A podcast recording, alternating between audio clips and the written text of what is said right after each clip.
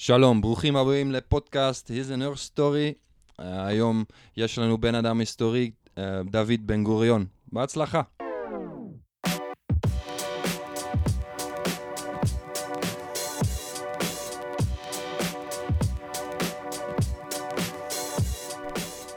Hey Vincent. Hey Rens, goeie Zo. avond. Ja, goedenavond. Ja, een nieuwe Ja. aflevering van de podcast over eh, Israël. De Israël. staat Israël en vooral de stichter van de staat. Maar we zitten niet met z'n tweeën in de studio, maar met z'n drieën. Onze Ja. oproep van vorige week eh, voor een leek van de week. eh, nou, duizenden, reacties. reacties. En we hebben geloot. En eh, het, is de, de- ja, het is de keuze. De meest competente eh, Ja. leek van de week uitgekozen. En eh, daar is hij. Hans van Keulen. Ja. Goedenavond, heren. Hey Hans. Nou, ik heb maar gelijk eh, eventjes wat meegenomen voor jullie. eh, ook, eh, Ja, dat stond in de functieomschrijving. Ja. Zeker, zeker. We hebben eventjes app-contact gehad en dit was wel belangrijk. Eh, nou ja, jullie kunnen het misschien al horen. Oh. Jodenkoeken. toepasselijk, Lekker bij, eh, toepasselijk. bij, de, bij, bij de persoon die we gaan eh, behandelen, geloof ik. ja. Ja. want jij hebt het al gezegd. We gaan het hebben vandaag over. David Ben Gurion, Heel goed. De eerste president van Israël. Minister-president. Minister-president, excuus. premier, niet Ja, president. laten we niet jullie in, zijn eh, hier de deskundigen, hè? Dat ja. Staatsinrichtelijke eh, problemen raken hier, dan eh, hebben we het internationaal strafhof weer eh, aan onze broek. Ja.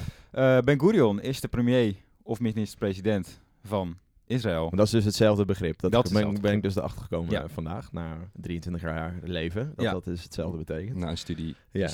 Nou, Geschiedenis. studie, studie staats, De premier Nee, En de minister-president zijn het hoofd van de regering. Ja. En een president is een staatshoofd. Ja. Nou goed, tot zover Net zoals de een koning met een deze koning. week. Ja. Oké. Nou, dat eh terzijde.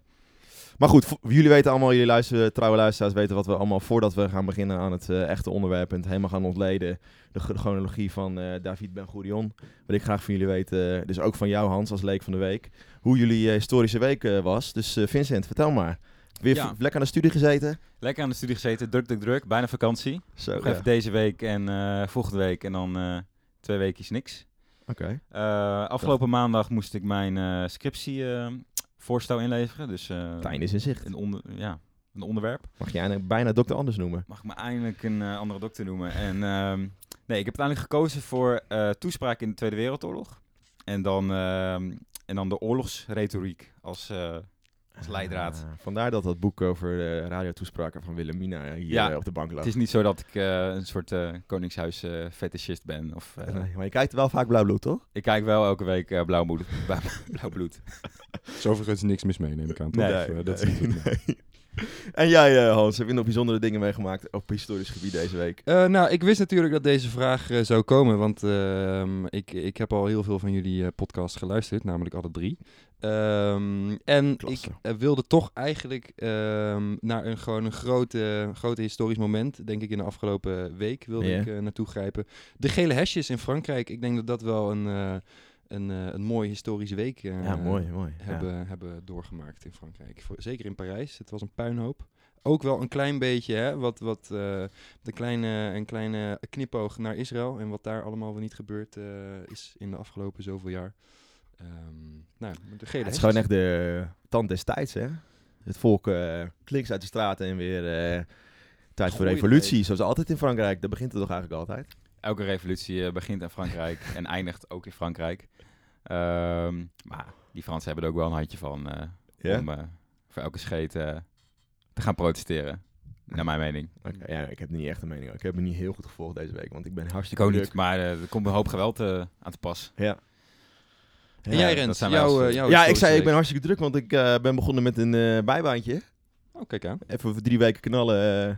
Lekker knallen, maar niks- weken, joh. Ja, lekker knallen, maar niks verknallen. Lekker eh, post sorteren bij PostNL. Aha. De kerstkaarten. is hartstikke leuk, maar het heeft helemaal niks met historie te maken. En Nee? dat was echt mijn week. Nou, ik denk dat eh, het versturen van kerstkaarten redelijk eh, historisch is. Maar het wordt- steeds minder, hè? Ja. Alle tradities verdwijnen. Ja, Helaas. Helaas. Nou ja. helaas pindakaas. E-mails worden het, kerst-e-mails. Ja, kerst-e-mails. Van die e-cards. Hebben jullie die vroeger wel eens gehad? Oeh, nee, ik denk het niet. Ja, vreselijk. Er Ja. zit, zit, eh, zit niks bij. Nee. Toch? Niet, niet, zoals de, als de Blijnberg eh, kerstkaart. Nee. Oh, dat is altijd een mooi Hij hangt er weer op beneden, dus zometeen zal ik even kijken als Oh, ik En ik zou hem op Twitter zetten eh, voor alle liefhebbers. Dan kunnen jullie alle luisteraars kunnen even de familie Blijnberg kerstkaart eh, Smullen, smullen is het. bekijken. Oké, maar goed. Eh, Ben Gurion. Ben Gurion, laten we het erover hebben. We beginnen bij het begin. En we hoorden al van Hans al dat we misschien een beetje lastig te volgen zijn soms. Dus we hebben gekozen voor een hele strakke eh, structuur. Dus het is helemaal, helemaal chronologisch. We beginnen bij zijn geboorte en eindigen bij zijn dood. Ja. En eh, laten we dan maar eh, dus beginnen bij het begin. Eh ben Gurion is geboren in eh, 1886 in eh, Plonsk.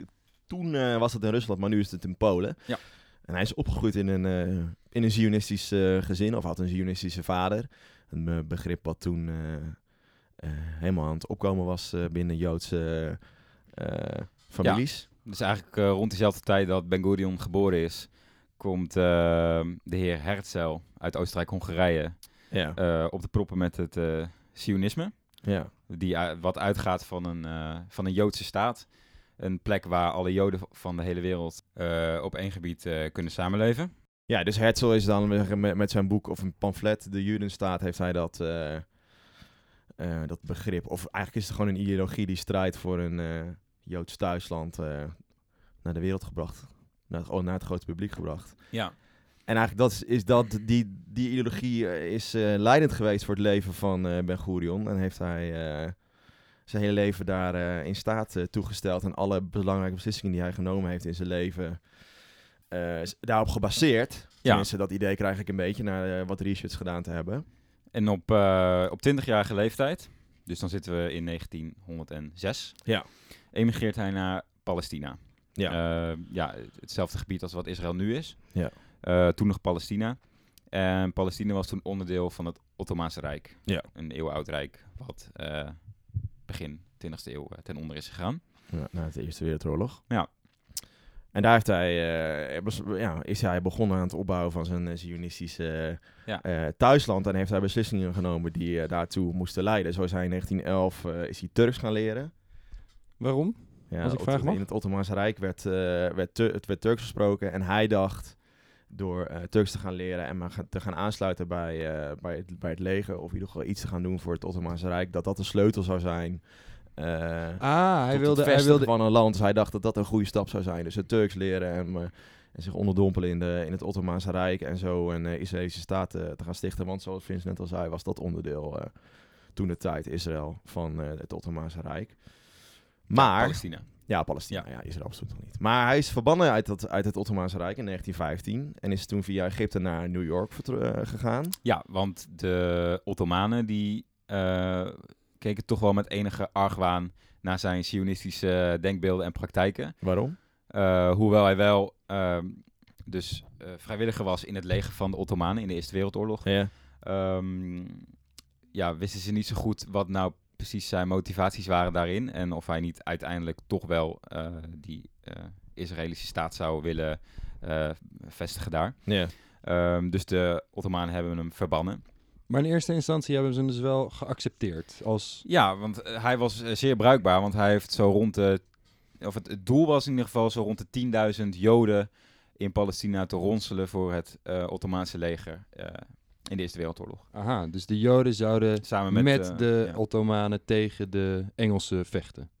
tegen de Engelsen en de Fransen. Ja. Oké. Ja. Eh, en toen ehm, ja, keken ze toch met enige argwaan naar die sionistische trekken van hem. En hebben ze hem eh, verbannen naar Egypte. Nou, en de, via Egypte is hij vertrokken Ja, naar New En York. toen heeft hij de keuze gemaakt om dan maar naar, eh, naar Amerika te vertrekken. Ja. En dat was in 1915. Ja, en dan heeft hij zijn vrouw ontmoet en is daar in 1917 eh, eh, ook getrouwd. Maar in 1917 was er ook nog iets anders belangrijks gebeurd. Vooral eh, voor Palestina. Dus de Balfour Declaration op 2 november. Ja, En kun de je daar Balfour iets- Declaration 2 november 1917 Ja, ehm, schrijft de Britse minister Balfour, dus naar, welke, naar wie deze declaration is vernoemd, aan de voorzitter van de British Jewish Community, Lord Rothschild, bekend van de Ja, bekende. Rothschild-familie. De grootste familie, De- of in ieder geval ja. de rijkste familie, rijkste de familie meest invloedrijke familie, Joodse familie. Mag ik een klein, eh, klein zijstapje maken? Ja. Ik heb dit dus, eh, ben nu twee, drie dagen hiermee bezig. En ik moet eerlijk zeggen dat ik heel weinig over Ben Groening heb gelezen. Want ik ben helemaal verdwaald geraakt in, eh, zijn Joodse complottheorieën. En vooral over de, Ro- de Rothschild-familie. Daar Ja. echt, er zijn mooi, de mooiste filmpjes aan over op YouTube. Dus mocht je echt niks te doen hebben, ga dat kijken. Nou ja, misschien Want het blijkt dus dat Bobby heeft alles in de handen in de wereld. alles in de wereld eh, hoort- behoort tot de familie. Alle banken, alle musea, Ja. alle kunst. eh, Gewoon alles. Nou ja, onlangs nog, eh, het Rijksmuseum eh, is nu te zien, eh, weet, misschien nu niet in het Rijksmuseum, misschien nu in het Louvre. ja. We hebben Frankrijk en Nederland samen Matje en Opium Ja. eh, gekocht, twee schilderijen van Rembrandt. En eh, dat was ook eigendom van, eh, van de Rothschild-familie. Ja. Zoals dus veel en veel meer dingen. Ehm Maar goed, Dat terug naar de, terug naar de Belvoer. chronologie. terug naar Belvoer, jongens, 1917. Ehm Britse minister van Buitenlandse Zaken schrijft een brief aan eh, de voorzitter van de British Jewish eh, Community, eh Lord. Rothschild. En eh, waarin hij de minister belooft eh, dat de Britten eh, een thuisland voor de Joden ehm, er alles aan zullen doen om een thuisland voor de Joden in het huidige Palestina te bewerkstelligen. Waarom, eh, waarom vond, vond Engeland dat nodig om die Balfour Declaration überhaupt eh, op te schrijven? Om dat te verklaren? Ja, ehm, ik denk zoals met elke beslissing in, eh, in de politiek gaat het hier niet per se om dat de Engelse regering zo super begaan was met het lot van een Joodse staat. Of zich heel erg zionistisch invloeden had. Ehm, maar wat er aan de hand was, is dat je een, de regio Palestina hebt in het Midden-Oosten. Nou ja, Mhm. we, we- we kennen het tot de dag van vandaag dat het Midden-Oosten gewoon een super moeilijk gebied is. Met allerlei verschillende invloedssferen en eh, machtsstructuren. Eh, en rond die tijd ehm, is het geval dat eh, Frankrijk ehm, daar steeds een grotere rol in krijgt door hun invloed in Palestina. Ook als de beschermer van de katholieken eh, al daar. Ja. Ehm, Rusland aan de andere kant is beschermheer van de, meer die orthodoxe st- Joodse stromingen. eh, zoals je dat nu eigenlijk ook nog hebt Waar Ben En- Gurion ook vandaan kwam. waar Ben Gurion ook vandaan Ja. kwam. En je hebt dus dat Engeland zit daar een beetje tussenin en begint steeds meer grond onder de voeten eh, valt weg eh, qua machtspositie. Mhm. Dus ehm, Ah, dus het was het voor is eigenlijk Engeland... een hele pragmatische keuze om uiteindelijk maar die Joden eh, te gokken op het eh, paard dat de Joodse bevolking heet. Hmm. eh, om zo hun macht op eh, hun greep op de regio eh, vast te houden. Ook een beetje met oog op de toekomst misschien. Zodat ze later meer samenwerking zouden hebben met de Joden al daar in Israël. En daar dus ook een soort van kolonie als het ware. Niet helemaal, Ja. maar... Maar wel dat, zo, dat denk ik dat ze hun greep hielden op dat gebied. Ja, dat was vooral belangrijk. en dat ze geopolitieke eh, Ja. lopen- beslissingen. Ja, het zijn Geen belangrijke eh, olievelden en Suezkanaal en zo. Dat is allemaal daar natuurlijk in de buurt. Dat is Oh ja. wel redelijk belangrijk. In die, was dat in die tijd en nog steeds. Mhm. Ja, dus eigenlijk die Balfour eh, Declaration is echt wel een grote ommezwaai in het hele Midden-Oosten politiek eh, van Engeland. Ja. Eh, en daarmee ook in het gedachtegoed van Ben Gurion. Ja, want dat want is de eerste eerst keer. streed voor Ja. de Ottomanen met het Ja. idee van oké, hier valt wat te halen, want zij hebben de macht. Dus Ja. het moet bij hun zijn. eh, zijn. Ik moet Turks leren, want ik moet bij Ja. zijn. Ja. En eh, op dat moment zit hij in New York en eh, komt deze declaration, eh, wordt wereldkundig. En daarop besluit hij om zich aan te sluiten bij het Joodse legioen. Wat een, eh, wat een legioen was van eh, voornamelijk Joden uit ehm, Amerika, maar ook wel uit het Midden-Oosten, eh, die zich onder Britse vlag in het Britse leger eh, dienstbaar stelden. Mhm. Dus weer terug naar Palestina. Ja, weer terug eh, naar Palestina uiteindelijk om daar eh, eh, het, het Britse leger te dienen. Echter niet in een gevechtsfunctie. Hm. Want dit was ja, gewoon juridisch kon het niet, omdat Nee. zij niet, geen Britten waren. Nee. Dus vooral logistieke dingen. En ze werden ook wel de Zionist Mule eenheid genoemd. Dus ezel, draag... De pakkezels. Hm. van Ja, de, de pakezels, de Zionistische pakezels. Ze waren een soort slaafjes van de Ja. Engelsen op dat moment. Maar goed, eh, slaafgemaakte. Allemaal met een doel. Hè. Zij wilden hun eigen staat hebben en zij dachten dat het op deze manier eh, de grootste kans verslagen had. Oké. En dan de volgende belangrijke event in zijn leven was de oprichting van de Histradut in eh, 1920. Spreek ik het goed uit? Histadrut, vakbonden. Eh, De vakbonden, Een, ja. een grote vakbond was het. Ja, Ja. voor je, dus ja, een vereniging die de Joodse arbeiders eh, verenigde. En dan Ja. zie je eigenlijk ook dat hij een andere invulling geeft van dat Zionistische eh, denkbeeld. Of het uitbreidt van niet Ja. alleen een, een Joods thuisland, maar er moeten ook Joodse arbeiders zijn. En er moet een welvaart en een economische staat worden. ja, wat je op een gegeven moment krijgt is dat na die Eerste Wereldoorlog zijn die Ottomanen verdwenen of eh, verdreven uit, Ja. eh, uit Palestina. En eh, nemen de Britten daar de leiding over. Ja. Dus tot zover goed gegokt van Ben Gurion, eh, bij wie die zich moest aansluiten. Ehm, en in die, eh, vanaf dat moment heet het ook het Britse Ja. mandaatgebied. Ja. En in dat mandaatgebied ehm, eh, richt Ben Gurion deze organisatie op, de Hist Histadrut. Histadrut. Ja. Hista- Histadrut. Eh, wat je dus ver- kan vergelijken met de hedendaagse FNV, FNV, ja. eh, maar dan XXXL. Ja, want was, wat, wat was dan precies de taak van deze Histadrut? Volgens Ja. mij gewoon echt opkomen voor de belangen van Joodse arbeiders en vooral dus in een Joods of de, de, de Joodse arbeid bevorderen of de economische Joodse staat bevorderen. Ja, het was gewoon... In dat Britse mandaatgebied had, had Ben Gurion en de, en de Joodse bevolking nog niet heel veel politieke macht. Nee. Eh, dus wat doet Ben Gurion? Hij zet vol in op die economische macht. En ja. moet ook een, een grote basis opbouwen qua Joodse gemeenschap. Want Ja.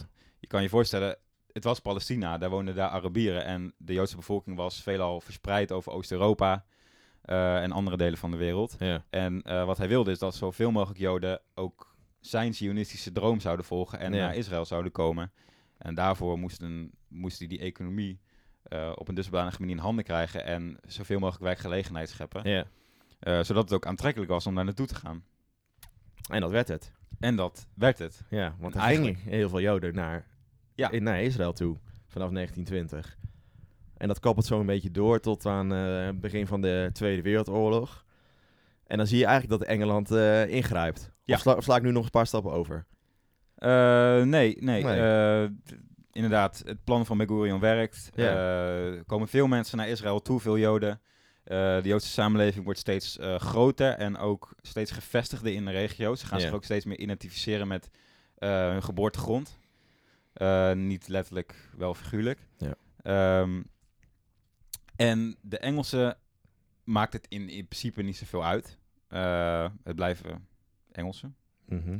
eh, die daar gewoon de macht hebben, maar voor de rest met hele interne politiek niet, Niet zoveel veel van doen hebben. Nee. Maar de Arabieren zien dit natuurlijk niet zo zitten. In het begin denken zij, oké, prima als hier nog wat andere mensen komen wonen, maar eh, zij, zij merken ook dat is de Israëliërs, de Joden, Ja. eh, eigenlijk steeds meer die grond gaan claimen en eh, hun identiteit aan gaan verbinden. Ja, want Ja. nu snij je wel een interessant punt aan, denk ik. Ehm, ik heb dus zes jaar in, in Israël gewoond en ehm, eh, ook veel geleerd over, over het hele conflict tussen de Joden en de Arabieren. En alles, al de conflicten tussen de Joden en de Arabieren gaat allemaal over eigendom van het land. De Arabieren Ja. claimen dat het land van hen was, omdat zij daar woonden voordat de, de staat Israël werd opgericht en voordat de Joden daar überhaupt eh, weer waren. Zo zeggen de Joden dat dan. En de Joden die zeggen van ja, maar kijk in onze Torah, daar staat dus 5700 jaar geleden. Ja. Dat is ons land, dat hebben wij gekregen van Yahweh. Ja. Land en van dat Juda. mogen wij gewoon weer claimen. Dat is, dat is gewoon van ons. Ja, ja, heel goed punt. Ja, inderdaad. En dan maar ehm, toch geeft Engeland toe aan de Arabieren eigenlijk. Door, Ja, in, door in de- 1939 dat whitepaper eh uit te schrijven of weer wildkundig te maken. En dat hield in, met dat whitepaper eh, was, was een soort van wetgeving, drie punten, waarin de Britse overheid de toestroom van Joden, Joden naar Israël verminderde. Joden mochten geen land meer kopen in Israël. En, eh, ja, en daarmee eh, voldeden ze eigenlijk, of kwamen ze, wilden ze een wit voetje halen bij de Arabieren. Ja. Met de toekomst, of met in het oog dat de Tweede Wereldoorlog eh, op het punt van beginnen stond, of net begonnen was. En daardoor een beetje die, of de, het, het, het Midden-Oosten eh, ja, zo van de naar angel, hand. ja. de, de uit, Over hoeveel, over hoeveel Joden hebben we het dan? Over hoeveel aantallen? Nou, ik, ik vond hier dat eh 20.000 Joden ongeveer per jaar tussen dus 1920 en 1939 naar eh, Israël vertrokken. Dus dat is best wel veel. En ze hebben dat met die whitepaper wilden ze dat terugdringen naar 10.000 Joden per jaar. Dus, dus Ah. Maar ja, hoeveel dat wa- waren precies, dat weet ik niet. Maar we zien dus wel 20, gemiddeld 20.000 Joden Nou ja, het is een in grote... 15 jaar, in ja, kleine 20 jaar naar, naar Israël toe. Procentueel is het een enorme verandering. Ja, ja. En dan breekt dus de Tweede Wereldoorlog uit. Ja. En dat is misschien wel het grootste kantelpunt ooit voor de tot dan toe nog niet bestaande Israëlse, Israëlische staat. Maar wel heel belangrijk voor de Israëlische staat. Want de holocaust eh, heeft denk ik, eh, of heeft een, gewoon een enorme invloed gehad op uiteindelijk die toezegging eh, van die staat. Want die whitepaper Ja. in 1939 hield nog in dat de Joden geen recht meer hadden op een, op een eigen thuisland. En dat ze het moesten verdelen tussen de Arabieren en, en Israël. Dat ze eh, 50-50 zouden zijn eigenlijk. Allebei zouden ze zeggenschap hebben. Allebei zouden ze, zeg je dat, het land besturen. Ja. Maar door de horror van, eh, of de, ja, de, horror van de holocaust eh, veranderde dat helemaal. En eh, kreeg, kreeg riep Ben Gurion in, eh, veer- op 14 mei 1948 eh, de staat Israël uit. Ja, dat was niet het plan van de Nee. Arabieren. Nee, Dat kan dat? gebeuren. Kan je zomaar een staat uitroepen? Is dat, is dat mogelijk? Ehm, nou ja, ik denk zolang je de grootste helft van de wereld achter je hebt, Ja, qua macht toen hadden. en geld, Ja. wat ze hadden, en Door die en, Tweede en de. Rothschild, eh, Rothschild natuurlijk. eh, is zoiets mogelijk. Eh, het komt natuurlijk ook niet helemaal uit de lucht vallen dat hij op, op een goede dag eh, dat beslist. Nee. Maar ehm, ja, hij, hij roept dat eh, op 14 mei 1948. eh, eigenlijk sindsdien bestaat de staat Israël, eh, zodat, zoals we die vandaag kennen. Ja. Yom Ha'atzmaut is dat ook tegenwoordig nog steeds. De dag de- van de onafhankelijkheid. Ja. Wordt En, heel groots ehm, gevierd nog steeds. Ja, wat is het dan? Mogen ze dan wel alcohol drinken? Eh, nou, je hebt wel een, een, eh, een dag in het jaar dat alle, Ja. alle Joden een soort van andersomdag hebben. Dus Ja. dan zie je in, in Jeruzalem zie je heel veel Joden helemaal katje lam eh, door de straten van, eh, van, van Jeruzalem lopen. Ja. Ehm Yom Ha'atzmaut is geloof ik ehm, dat er eh, niet, dat mag niet gewerkt worden. Je hebt geen auto's op de wegen, iedereen is vrij. Eh, wat, wij, wat wij toen... wat een rust hè. Eh, wat wij toen deden, weet ik nog, was dat we over de snelweg gingen lopen. En dat Ah, was ja. zeg maar een beetje het uitje van Yom Ha'atzmaut. Lachen. Lachen. Maar goed, die onafhan- onaf- onafhankelijkheidsdag was helemaal niet echt een onafhankelijkheidsdag. Want de dag daarna breekt de oorlog uit Ja, in Israël. we kunnen ehm, eerst nog even luisteren naar eh, een fragment. Ja. dat eh, Ben Gurion eh, de staat Israël uitroept. Eh, dus zoals ik net zei, 14 mei 1948 Eh, ben Gurion. In het Hebreeuws. En Komt-ie. dat wordt zo meteen vertaald door eh, Hans. ב-29 בנובמבר 1947 קיבלה עצרת האומות המאוחדות החלטה המחייבת הקמת מדינה יהודית בארץ ישראל. העצרת קבעה מאת תושבי ארץ ישראל eh, nou, dat was David Ben Gurion. Eh, hele mooie speech. Eh, in het kort gezegd zegt hij van ja, wij zijn de Joden, dit is ons land, hebben we gekregen van God. Van. Eh, Van Yahweh, inderdaad. Enzovoort, enzovoort. Ehm, we, hopen, we hopen dat het allemaal goed gaat. Nou ja, goed, dat soort. Wat een leuk weetje nog trouwens, hoorde ik in het fragment. De achter, het achtergrondmuziekje, Ja. dat is Hatikva. Dat is de, het volkslied van Israël. Heb ik heel veel moeten, moeten zingen op school. Wat betekent dat ook Echt weer? Ik heb het vandaag ergens hoop. gelezen. Hoop, ja. ja. Is het moeilijk? Kolot balewap Nee, nima. Oh, dat is best wel bekend. Ja, het is Ja. een heel, heel bekend niet- de- deuntje inderdaad. ja, dat maar ik zal de rest jullie besparen. ja, nou ja, ons maakt het niet uit, maar eh, De luisteraars, de, hè, de luistercijfers eh, Precies. zullen de- kunnen eronder leiden. Ja, dus dan eh 14 mei eh, 1948 de staat Israël. En met de dag daarna meteen een oorlog Ja, tussen eh, Palestina en, eh, en, en Israël. het Isra- de Israëlische-Arabische oorlog. Ja. Of de Arabisch-Israëlische oorlog. Met vooral wat belangrijk was eh, de verdeling eh, van Jeruzalem. Of niet de verdeling van Jeruzalem eigenlijk. Israël eh claimde Jeruzalem als eh, de Holy City. En de Arabieren eh, eigenlijk net zo. En heel lang, idem dito. ja, en de christenen in dito. En uiteindelijk was de oplossing, eh, moet ik het even goed zeggen, West-Jeruzalem was voor, eh, voor, voor de Joden. En Oost-Jeruzalem en de Old City was voor Jordanië. Ja. Jordanië. Ja, die hebben zich daar ook nog eh, mee be- bemoeid, maar vooral uit eh Arabisch eh, Ja. oogpunt. ja, en die oorlog begon dus 15 mei 1948 Ja, en is nog steeds bezig. officieel wel, ja. Ja, het is Ja. Nooit, eh, nooit, de vrede is nooit getekend. Zo Nee. niet net zoals in Vietnam een wapenstilstand? Het is echt nog steeds Net eh, zoals in Vietnam. nee. Is er een wapenstilstand? Weet ik niet zo goed. Noord-Korea. eh, oh, sorry, dat bedoel ik Ja. Maakt niet uit. Heel goed. Geen dank, idee. Dank jullie wel. Heel goed. Ja. Nee, ja, er zijn natuurlijk wel verschillende episodes binnen deze eh, oorlog. Ja, zeker. En tijden van rust en tijden van conflict. Ja. Maar in principe is het nog steeds oorlog. En eh, ja, er is, zoals iedereen weet, er is nog steeds geen oplossing eh, nee. voor, de, voor twee staten op een eh, tamelijk klein gebied. Ja, inderdaad. Maar er zijn nog wel mooie eh, eh, momenten eh, in Jeruzalem. voor Ben Gurion zelf vooral. In de jaren 50 eh, zie je dat hij zich ook vooral ook bemoeit met de buitenlandse politiek. Hij is bekend als een hard militaristisch, eh, was een hard militaristisch optreden in de Suez-crisis en et cetera, et cetera. In 1963 eh, resigned hij of neemt hij ontslag als minister-president. Zeg ik het goed? Ja, ja. of premier. Of premier. Niet president. Ja, minister-president of premier. En eh, om persoonlijke redenen. Ja. Maar hij blijft zich nog wel bemoeien met, eh, met verschillende dingen, waaronder de, met de Histadrut. Dat blijft nog steeds belangrijk. Goed? Histadrut, sorry. De FNV. Staat nog steeds, hè? De FNV van Israël. Ik geloof het wel, ja. Ja, ook nog mij, een bank, eh, toch? Of ze. Dat is Bank Apoalim. Daar Ja, we dat was ja. onderdeel Dat is, daarvan. oh, kijk, nou hier, dan zeker. Ze hadden, ze hadden een hele lange tijd eh overgrote deel van de Israëlische economie eh, in handen. Ja. de- deze Maar goed.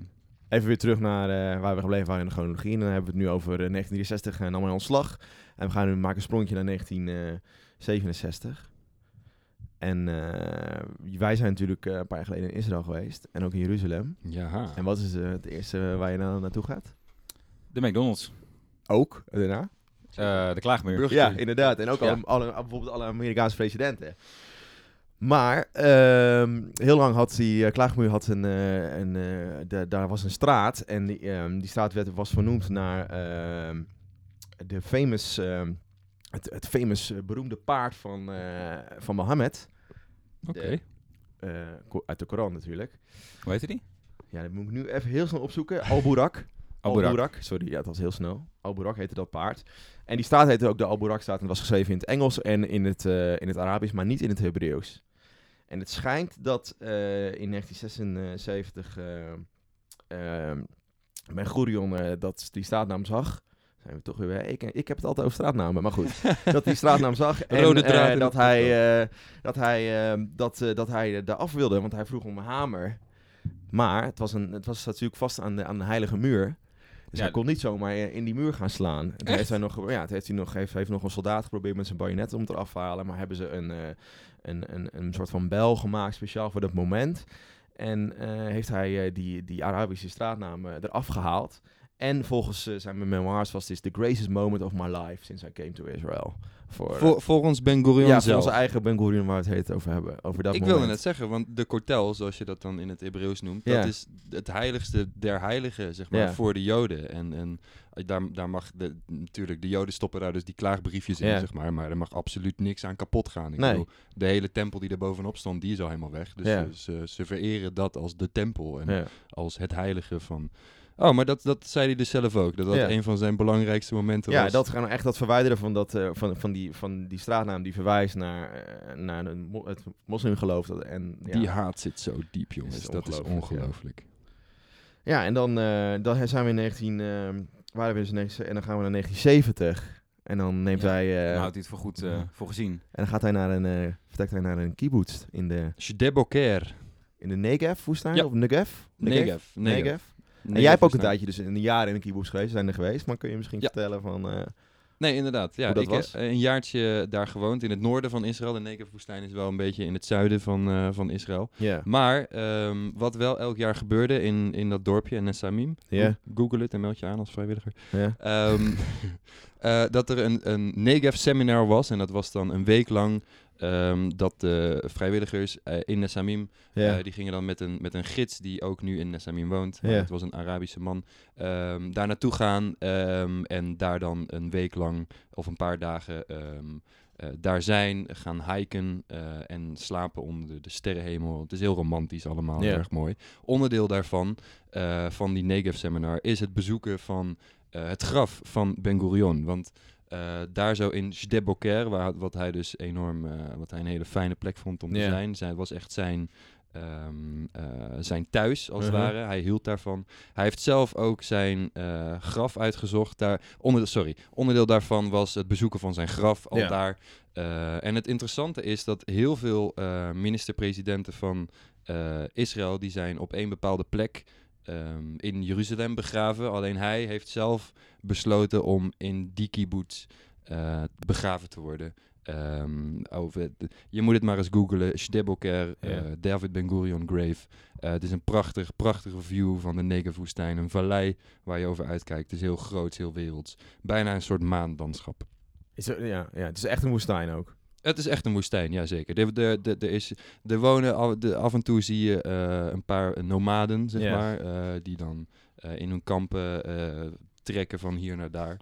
Dat bestaat daar nog steeds gewoon. Ehm, eh, ja, het is een magische plek. Interessant, interessant. En dat kun je dus nog steeds bezoeken, ja. Ja, zeker. Ja, en hij zou samen begraven met zijn vrouw, toch? Met zijn eerste vrouw. Ja, ik wist het niet zeker. Zeker, we hebben het eventjes opgezocht. ehm, en ik geloofde dat Dod, Dod Ben Gurion stond. Ehm, en ik denk dat dat misschien wel zijn zoon of zijn dochter of familie is. Maar het is in ieder geval niet zijn eerste vrouw Paula. Zo heette die namelijk. Ja, ja.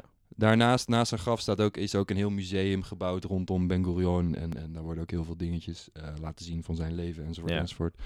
Ehm, Ja, en nog steeds is hij eh, misschien wel de meest gerepresenteerde pr- eh, minister-president. Nou, in, in- Premier van, van Israël, want natuurlijk, hè, als je in Israël binnenkomt, dan land je als eerste op de... absoluut, ja. David, of nou, Ben Gurion Airport. Ja. Eh, en eh, wa- wat ik daar wel ben daar nog een keer bijna eh, opgepakt. Oh, dat is waar, ja. Jullie Ja. hadden het moeilijk daar, hè? Ja. Ja, dat was een eh, traumatische ervaring. Voor mij wel, ja. Ik heb me tot in mijn, moest uitleggen tot aan mijn onderbroek eh, daar. En jullie, ik was met, eh, ja, met Vincent dan.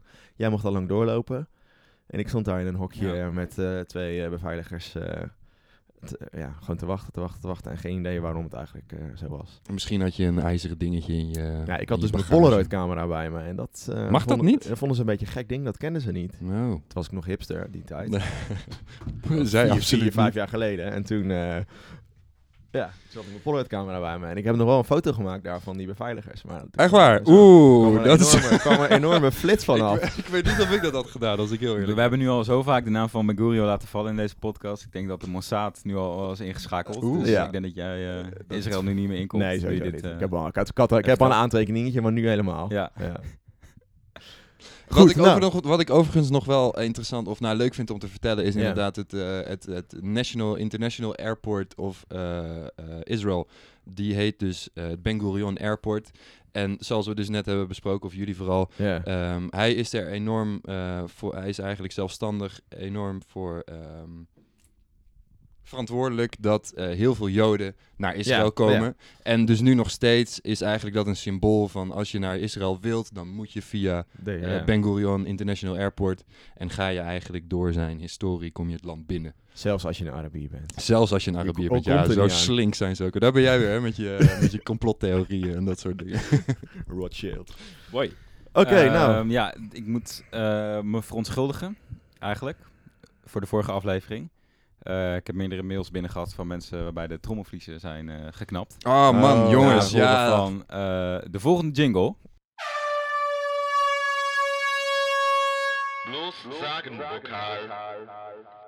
De Varankenbokaal. Ja. Ja. We Dus, gaan hem eh, weer... eh, dus we- eh, spijt me Ja, we... bij we deze. We gaan hem nu eh, iets beter afstellen. Dat Ja. Ja. problemen mee kunnen Nee, we Nog vatten, de samen, of de- we, we vatten de aflevering altijd eh, samen, denk ik, met, eh, met de Verrankenbokaal. En dat houdt in, eh, vinden wij deze, het gekozen personage, staat hij symbool voor een grote wereldverandering? Zo ja en nee, en dan mogen jullie op reageren. Maar het leuke is nu dat eh, Leek van de Week Hans er is. En, eh, ik hoop dat je er al een beetje over nagedacht en anders mag je ook hartstikke improviseren, want dat doen wij altijd ook.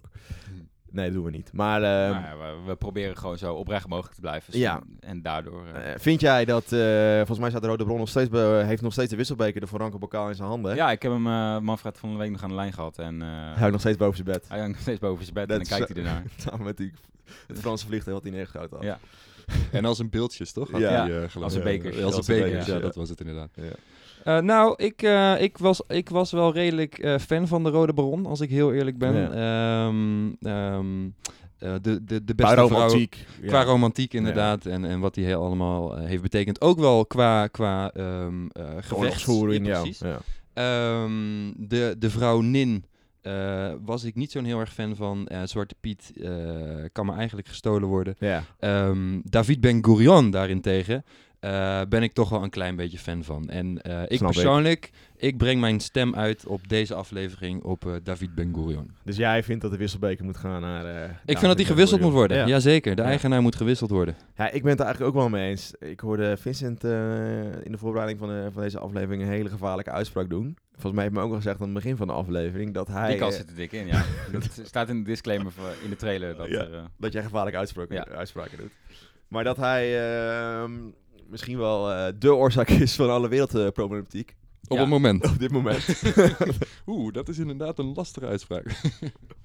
Dus in dat geval eh, zou je kunnen zeggen dat hij eh, deze bokaal zeker weten verdient. Ja. Ehm, ik heb ook in de trailer gezegd dat ik de advocaat van de duivel ben. Ja. Dus ik ga sowieso niet eh, met jullie twee mee in deze. Eh, ik vind dat hij gewoon nog steeds bij eh Van Richthoven moet blijven. Omdat ik denk dat Ben Gurion echt wel onderdeel was van een grotere politieke beweging. En dat eigenlijk eh, bijvoorbeeld zijn tweede of zijn derde man precies hetzelfde had kunnen bereiken. Ja, of Gein Wijsman, de eerste Ja. eh, president. Eh, of Ben Zwie. Ja. nou ja, al deze na- name dropping eh, kun je allemaal opzoeken op Wikipedia, googelen. ja. onze sponsor. Ehm, nee, ik ga gewoon voor Van Rechthoven, omdat ik denk dat hij ook zelf nog wel een talent had. Eh, dat hij echt een individu was in een, in een veel groter geheel. En dat dat bij Megorion toch minder is. Maar, eh desniettemin, Denk jij van, hey. 2 tegen 1. Ja. Hebben, j- Ehm, jullie hebben geen vetorecht? eh, nee, nee, nee, het gaat vooral om de Nee, luisteraars. Dus denk jij nu van, hey, ik kan me vinden in, eh in Vincent's uitspraak of ik kan me meer vinden in Hans en Rens uitspraak. Laat het weten. En dan eh, kunnen we het misschien volgende week, eh, of we bij de volgende aflevering over hebben hoe en wat en of die doorgaat, ja of de nee. En denk jij van, hey, ik wil ook een keer eh, zoals Hans eh, Leek van de Week zijn en eh, in deze hele knusse studio zitten met, eh, met twee hele leuke jongens en om te praten over een leuk Twee onderwerp. hele leuke Ja. jongens, Ja. zo zeg ik het zelf. Meld je aan en wie weet eh, nodigen we jou uit en zoeken Want, we een leuk personage bij jou. Je hebt het wel nice in gehad, eh, Hans. Ik vond het ontzettend leuk. Ja, ik ben Ja. sowieso enorm fan eh, van dit hele concept van jullie die een podcast maken. Ik vond het fantastisch. Zoals ik al zei, ik voel me vereerd. Ja. Eh, ik wil dat jullie heel erg lang doorgaan hiermee. Dit is fantastisch. Hou op Heel hoor. goed. Poeh. Ja. Nou, Zo, we zitten durf redelijk aan de tijd. broek aan, sorry. Die we, we zitten aan de tijd die we hebben gekregen van, eh, van het internet. Ja, Dus eh, Van onze huisgenoten. Spotify en iTunes. dus ja, eh, abonneer, like, reageer. eh, meld je aan voor Leek van de Week. eh, reageer op de aflevering. eh, draag nieuwe personages aan als je denkt van... hé, hey, eh, daar moeten we het een keer over hebben. We hebben, al. Ja. we hebben al wel wat ideeën gehoord van iedereen, maar kan altijd meer. En eh, We zijn ja. nu ook op Instagram. ja, Eh, volg ons op Instagram. ja, at, eh, Oh, hebben jullie een eh, Instagram-account podcast. Ja, volg ons op Twitter. at Here's a Story podcast. Wat goed. Eh, geef ons vijf sterren in iTunes. En eh, Wel echt doen, hè? echt doen, ja. En eh geniet eh, van de dag. Van de feestdagen. Vrolijke kerst. Ja. Wanneer is onze volgende aflevering? Gaan we die over de kerstvakantie heen tillen of gaan we er nog een doen? Dat is de vraag. Dan gaan we hier straks nog even een plasje over doen. Oké, tot ziens. Check Yo, de yo. socials. Shalom, shalom.